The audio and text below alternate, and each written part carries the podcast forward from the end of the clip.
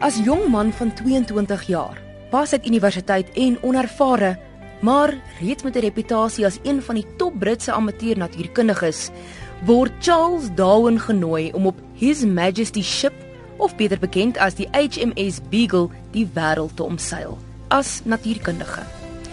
Die reis van 5 jaar sou die belangrikste reis van sy lewe wees, as ook die beginpunt van sy loopbaan.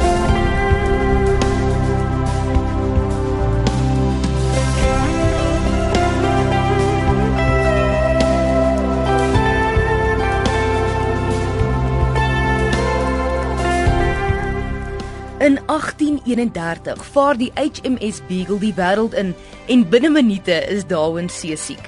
Die sou nie vinnig weggaan nie en vir die eerste paar maande sou Darwin groen om die kiewe wees. Te dankbaar om die vaste land te bereik, was die Beagle se eerste stop die Kaapverdiese eilande.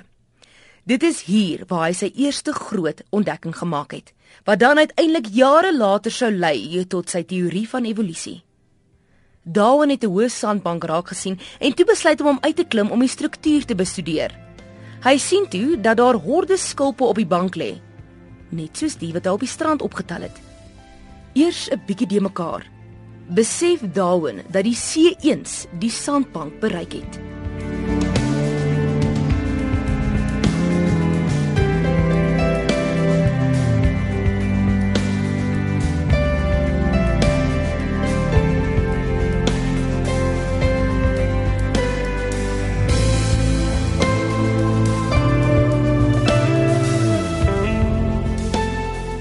Dit was maar die eerste van duisende bevindinge van Darwin. Die Beagle het gestop in onder andere Tahiti, Nieu-Seeland, Australië, Suid-Afrika en die belangrikste van die reis, groot dele van Suid-Amerika. Dit is hier aan die mees suidelike punt van Suid-Amerika waar die kaptein van die HMS Beagle, Robert Fitzroy, vier mense van Tierra del Fuego gevangenes geneem het. Sy missie was om hulle terug te neem na Engeland en hulle op te voed en dan 2 of 3 jaar later weer terug te neem na hulle geboorteland. So is hulle teruggeneem, geklee, gesond en opgevoed. 'n Jaar later keer hulle terug en kom op een van die manne, Jemmy af, wat deel was van die navorsing. Darwin skryf: Nog nooit in my hele lewe het ek so 'n totale en hartverskeurende agteruitgang soos die gesien nie. Jemmy was maar naak en het lang de mekaar hare gehad.